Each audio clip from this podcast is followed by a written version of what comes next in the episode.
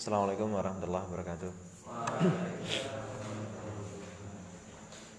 حضرة النبي المصطفى سيدنا رسول الله صلى الله عليه وسلم حضر جميع خلق الشيخ شهيد والعالم والمصنفين ونحوس حضرة الشيخ محمد القاسم القاسم الشامي سمع سمع سمع فورا فورا ما سيدنا ما سيدنا وما شيخنا ما شيخنا من الفاتحة أعوذ بالله من الشيطان الرجيم بسم الله الرحمن الرحيم الحمد لله رب العالمين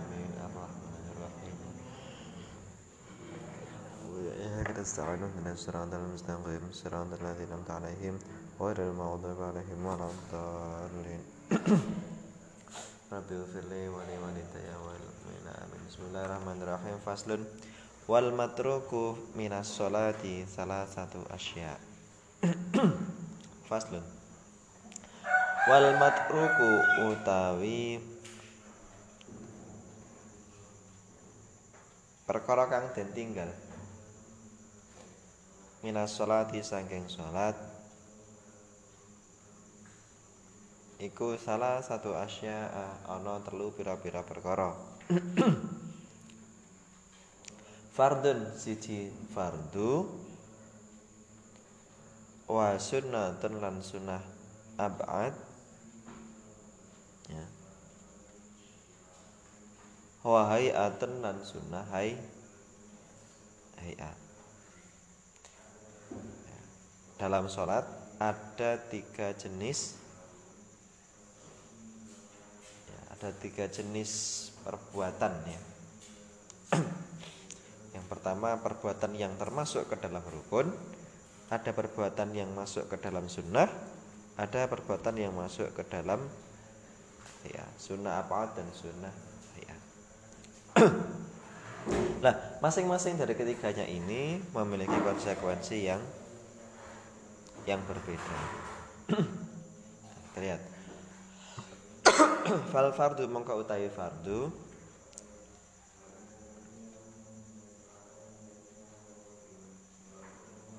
Ikulah yanubu ora kena ngenteni. Anhu saking fardu. Apa sujud sahwi sujud sahwi bal in zakarahu balik. Lamun eling sapa musalli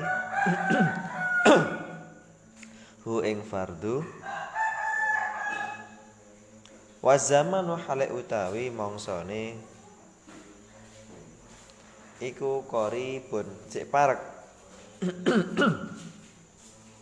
Ata mongko nekani sapa musalli. Bihi kelawan fardu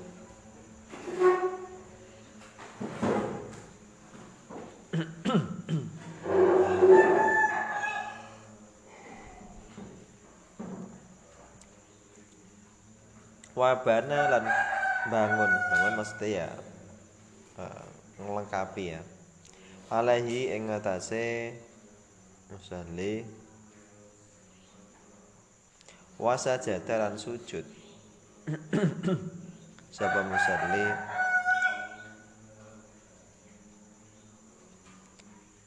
Lisahwi Maring sujud sahwi. Yang pertama fardu. Fardu atau disebut juga dengan rukun. Rukun itu apa? Rukun itu adalah bagian dari Rukun itu adalah bahasa Fardu di sini maksudnya adalah rukun ya Rukun itu dalam bahasa Arab waruknu. Rukun itu artinya bisa bermakna pojok. Pojok sana, pojok sana itu ya. Rukun artinya pojok. Nah, pojok itu dalam bangunan itu selalu berisi pilar atau tiang cagak. Ya. Setiap bangunan di pojok-pojok itu pasti berisi pilar. Bangunan kayu misalnya ya terutama bangunan kayu. Tiap pojok itu pasti berisi pilar atau cagak. Nah nek cagak eh ono sing apa? Roboh siji mesti ambruk. Tiang cagak eh iku ilang siji mesti bangunan kalau pilarnya itu roboh pasti bangunannya ikut roboh. Maka Demikian juga sholat. Sholat itu kalau rukunnya kurang satu maka sholatnya menjadi batal. Ya, secara disengaja ya. Misalnya sampai sholat rawan cofat secara sengaja gak sah. Ya. Sholat sengaja rawan niat ya gak sah. Sholat sengaja gak rukuk gak sah. Sholat sengaja gak sujud ya gak sah. Ya. nah terus kalau terlupa bagaimana? Demikian juga terlupa prinsipnya begini. Kalau terlupa ya. ini. Wal fardu la yanubu anu sujud sahwi. Ya, fardu atau rukun ini tidak bisa diganti dengan sujud sahwi. Ya, rukun tidak bisa diganti dengan sujud sahwi.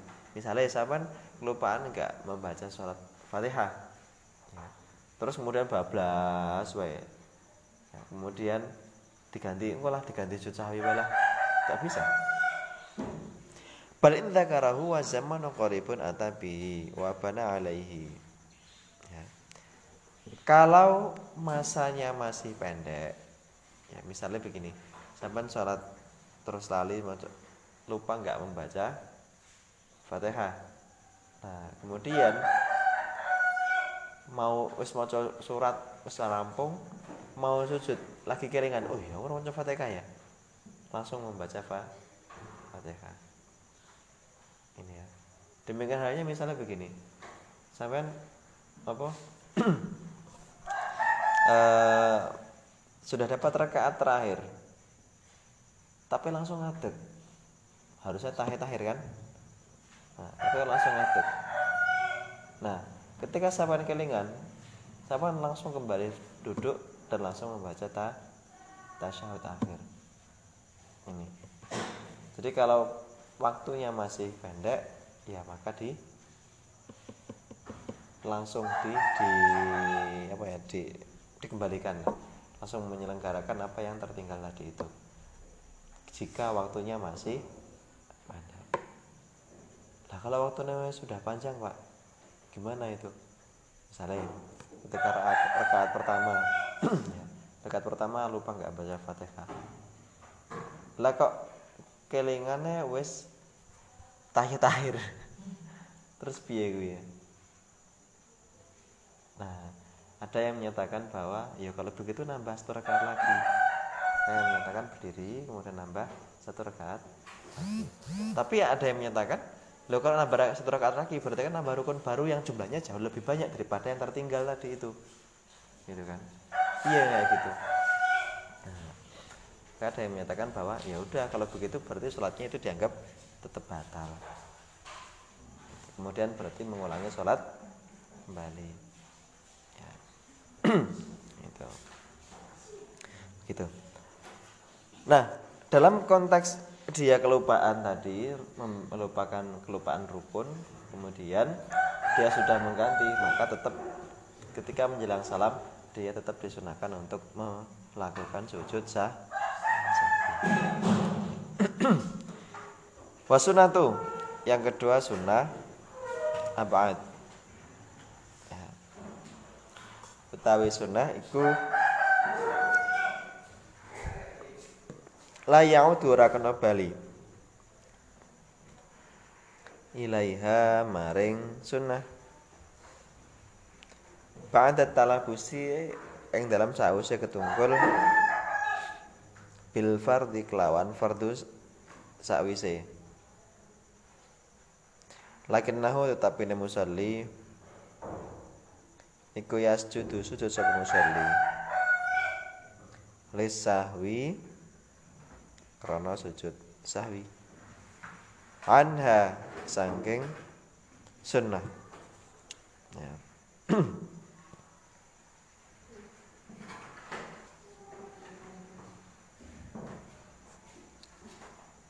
Ya.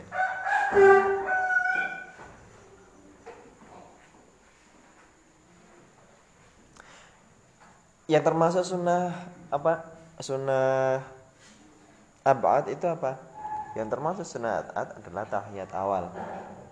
Kemudian doa kunut. Itu termasuk sunnah abad. Nah, Kalau misalkan kita sholat kelupaan tidak membaca tasyahud awal, misalnya begini, pas rakaat kedua kudunya kan tahiyat, ya, tapi dia kelupaan, 12 ngadeg gitu kan. Nah, terus piye Tergantung. Kalau dia berdirinya sudah sempurna, ya udah. Ya. Berdiri kan termasuk rukun toh? Berarti kan dia sudah beralih ke rukun yang selanjutnya. Ya sudah, berarti lanjut saja, tidak perlu kembali ke duduk.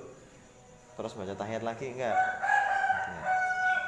Tapi kalau posisinya baru mau akan berdiri, ya, posisinya baru mau akan berdiri, terus posisinya itu belum sampai setengahnya berdiri, maka dianjurkan untuk kembali lagi duduk.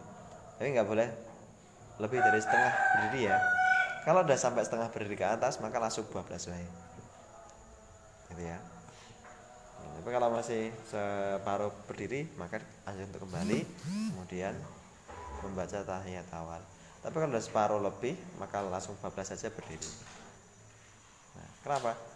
Ya udah tinggalkan saja nggak apa-apa gitu. Kalau sudah berdiri kok dia kembali duduk, berarti kan dia nambah rukun toh? Ya enggak? dia nambah rukun. Rukunnya apa? Rukun berdiri. Berarti kan dia berdiri untuk rakaat yang kedua. Dan dua kali berdiri. Ya kan? Rakaat ketiga ya saya maka dia kan berdiri dua kali toh? Saya udah ada sujud kemudian berdiri. Satu rukun kan kemudian nah, dia kembali lagi sujud eh, ruko eh ruko dia kembali lagi ke duduk. Berarti kan ini ada satu rukun berdiri ini kan? Nah, kemudian dia berdiri lagi untuk membaca untuk rakaat yang selanjutnya. Berarti kan dia nambah satu rukun maka hukumnya batal sholatnya. Ya karena menambah rukun. Nah kalau kelupaan sunnah eh, apa? Bagaimana kalau kelupaan sunnah apa bisa diganti dengan sujud sahwi ya. saya kelupaan gak baca doa kunut kelupaan gak baca tahiyat awal itu diganti dengan sahwi wal hayatu utawi sunah hayat. Ikulah ya'udu rak bali ilaiha maring hayat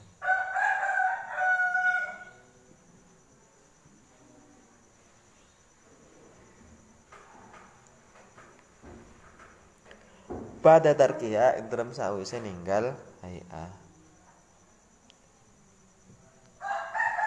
bantu tarikan dalam saus ninggal ya wala lara kena sujud.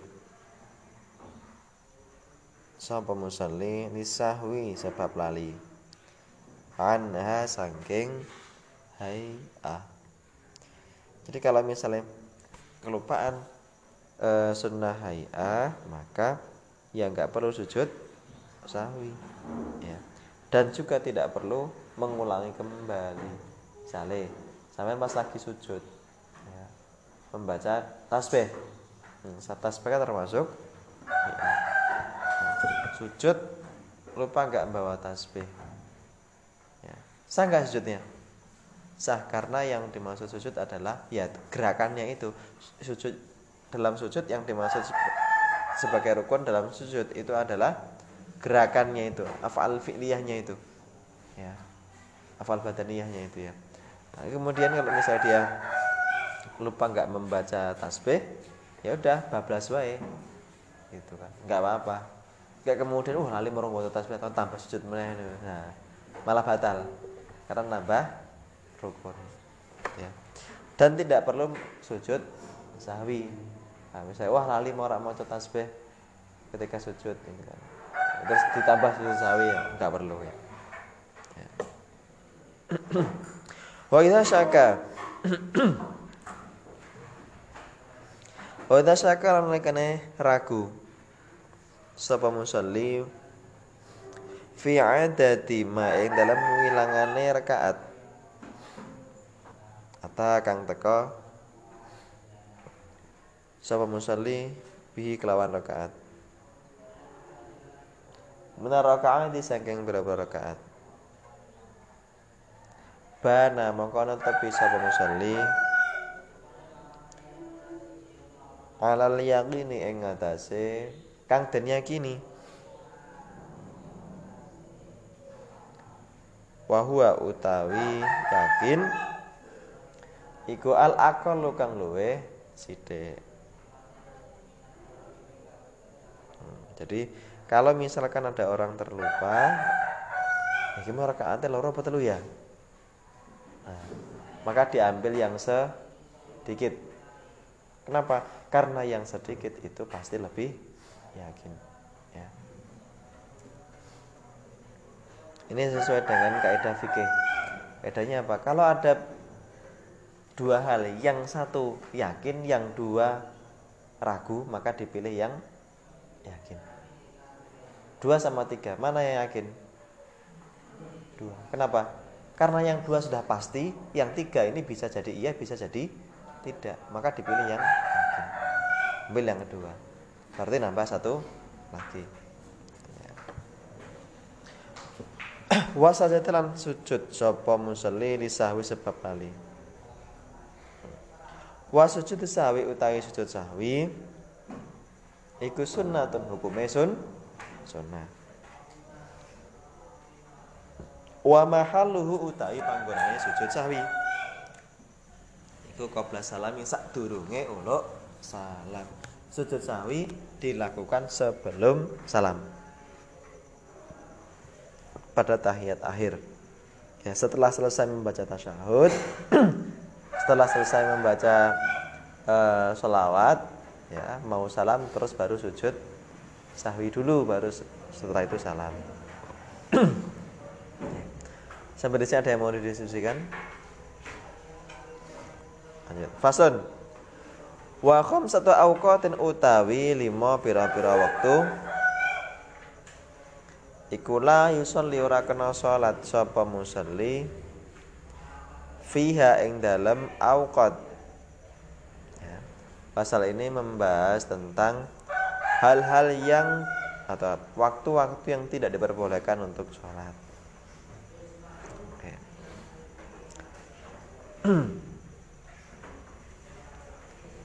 Illa sholata kejaba sholat Laha kang itu tetap kedua sholat Sababun ono se jadi ada lima waktu yang tidak diperbolehkan untuk sholat. Ya.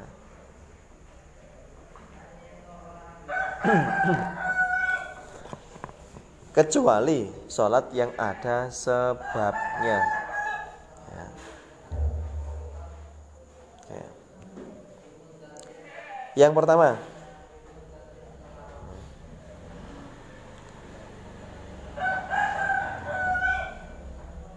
Salatus subuh pada salatis subhi yang dalam sakwise salat subuh.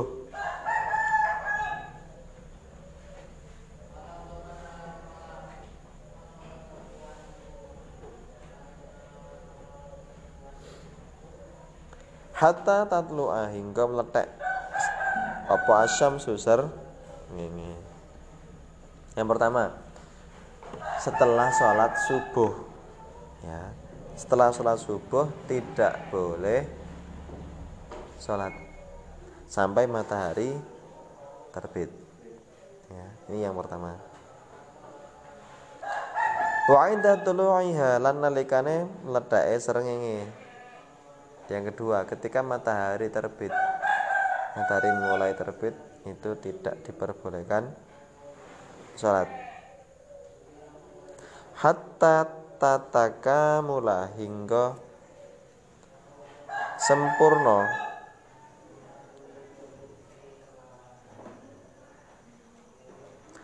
Wa tartafi'u irtafa yartafi'u. Wa tartafi'u lan munggah apa syams qadra ramhin ing kira-kira sak tombak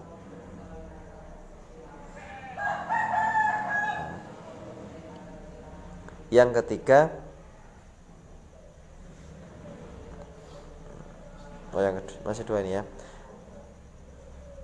Oke, yang kedua, yang pertama tadi setelah setelah subuh. Habis setelah subuh kayak gini, kemudian nanti sampai matahari terbit itu tidak diperbolehkan sholat lagi ya. Sholat apa pun.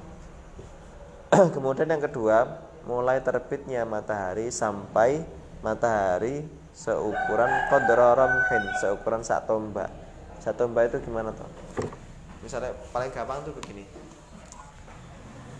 Kalian berdiri kemudian kira-kira tangannya lurus ini ya. Nah kemudian ditarik ke atas. Tak satu dua. Kurang lebih sekitar dua kepal. Nah kalau matahari kira-kira sudah di atas dua kepal ini nah, maka itu sudah diperbolehkan untuk sholat duha kira-kira seperti itu gampang. Qadra romhin romhin itu ya orang jangan biar kan romhin tombak tahu tombak. Nah, tombak itu tingginya kurang lebih hampir sama dengan manusia. Lebih lebih tinggi dikit lah. Lebih tinggi sekitar dua jengkal wajarnya dua dua kepal itu kan tombak.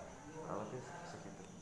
Jadi tangan berdiri lurus kemudian nah tadi masih di sana nih kemudian dihitung naik tuh nah materi di sana kalau dari pandangan mata lurus ke atas materi dari atas sana itu maka sudah diperbolehkan untuk sholat. Ini menurut satu riwayat. Tapi kalau dalam hitungan yang kontemporer eh, biasanya menggunakan kisaran derajat. Berapa derajat matahari di atas ufuk dan dalam apa senengnya di kalender-kalender itu biasanya mereka mencantumkan waktu sholat duha nah kalau sudah masuk waktu sholat duha maka sudah diperbolehkan untuk sholat lagi karena matahari sudah cukup tinggi dari atas ufuk sekian derajat itu cukup tinggi. Ya. Itu yang yang kedua. Terus yang ketiga idas tawat nalikane waktu istiwa. Hatta tazula hingga lingsir opo serengenge yang ketiga yang ketiga dilarang sholat ketika waktu istiwa istiwa itu apa tuh pak Istiwa itu ketika matahari berada pada titik zenit tertinggi. Jadi kalau misalnya matahari itu kan begini posisinya ya, dari timur seret naik terus kan. Nah, kemudian sampai dia titik kulminasi tertinggi dalam ilmu falak menyebutnya titik zenit, titiknya titik tertinggi. Maka saat matahari berada tepat di atas inilah ya tidak diperbolehkan untuk sholat. Lo kan memang waktu duhur pak? Iya, Waktu duhur itu kan mulai dari zawalus syamsi. Kalau dia udah bergeser, seret. Nah, ini baru boleh sholat masuk waktu sholat duhur. Kalau pas lagi tengah-tengah di atas ini, nah ini ini masih waktu istiwa, belum diperbolehkan untuk sholat duhur. Malah justru haram untuk sholat di sini. Maka sholat waktu sholat duha itu kan batasannya purna. Ya. Kan matahari itu kan bulat misalnya begini ya. Nah, matahari terbenam itu kan mulai dari piringan yang bagian bawah ini kan ini misalnya ufuk tahu ufuk ufuk itu kalau sampai ke pantai ya lihat daerah lurus ke depan itu kan seolah-olah langit dengan bumi ketemu kemudian titik pertemuan itu membentuk garis lurus yang horizontal itu ya lurus itu kan maka itu disebut juga garis horizon atau garis ufuk bahasa Arabnya Nah, garis ufuk adalah garis garis titik pertemuan antara langit dengan bumi. Garis lurus gitu kan. Jadi sebenarnya nggak bukan pertemuan tapi itu uh, garis apa ya garis bayangan lah. Dalam bahasa Indonesia disebut sebagai dalam bahasa orang ini sebutnya garis horizon. Kenapa horizon ya? Karena dia kan posisinya horizontal mendatar itu ya. Nah, orang Melayu nyebutnya kaki langit.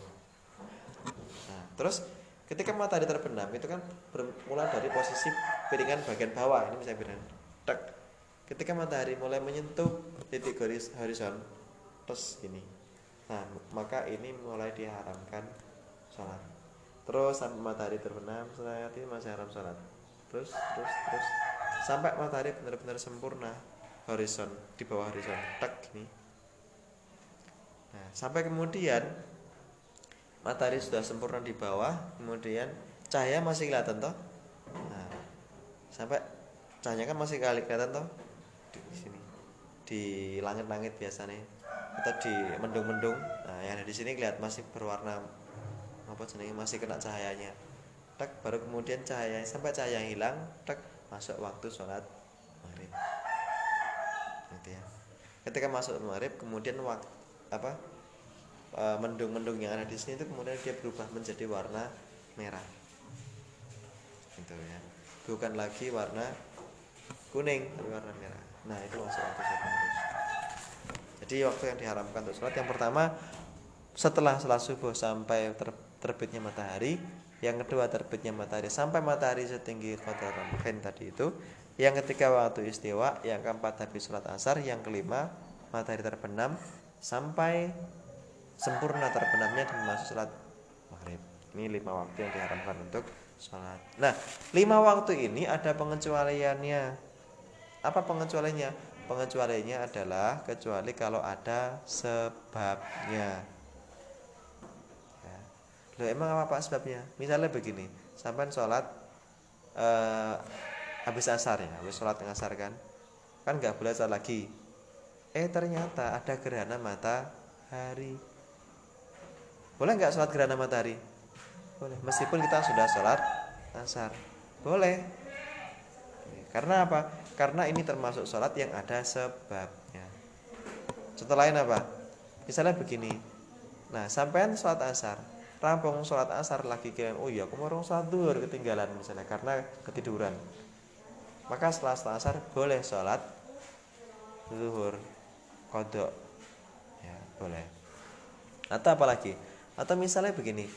Setelah sholat asar, ya, kemudian ada orang yang meninggal sholat jenazah boleh nggak boleh karena ini termasuk sholat yang ada sebab gitu ya ini ini kalau ada sebabnya maka diperbolehkan. Kalau tidak ada sebabnya tidak diperbolehkan.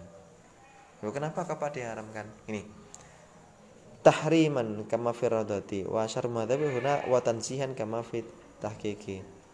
Nah eh, argumentasi kenapa dilarang? Yang pertama ada yang menyatakan bahwa uh, waktu-waktu yang dilarang ini adalah waktu-waktu yang identik dengan matahari. Nah, waktu yang dilarang tadi itu semua berkaitan dengan mata matahari. Nah, posisi matahari terbit, posisi matahari istiwa, posisi matahari terbenam itu biasanya dulu digunakan untuk waktu beribadah bagi orang yang menyembah mata matahari. Gitu ya. Maka posisinya ya kita berbeda dengan mereka. Ini argumentasinya seperti itu. Tapi ada yang mengatakan ini kan, watan zihan kama fit tahqiqi wa syarhil muhadzabi fi nawaqidil wudu. Nah, tapi dalam syarah muhadzab menyatakan bahwa eh, di sini hukumnya tanzih. Bukan haram tapi makruh tan makruh tanzih. Makruh tanzih itu apa?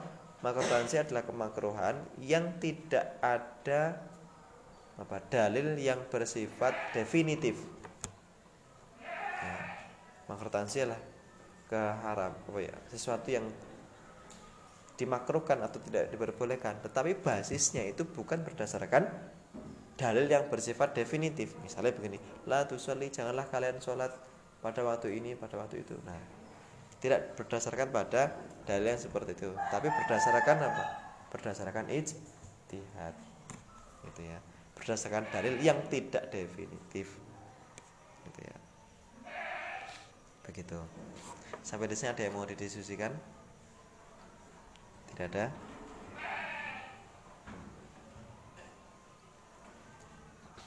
Ini. Makanya hukumnya ada yang menyatakan itu termasuk makruh tanzi ada yang makruh tahrim. Ya. Ini. Dalam kitab Ar-Raudhah dan Syarah Muhadzab disebutkan makruh tahrim. Makruh yang mendekati keharaman. Hmm. Kemudian dalam kitab uh, Al Syarah Muhadzab disebutkan bahwa di situ hukumnya makruh tanzih, bukan makruh tahrim. Begitu. Nah, makruh tanzih itu sebetulnya konsep yang tidak dikenal di kalangan madhab syafi'i. Dia biasanya lebih dikenal di kalangan madhab Hanafi. Gitu ya. faslun wa salatul jamaati wallahu a'lam bishawab Allahumma salli ala Muhammad Muhammad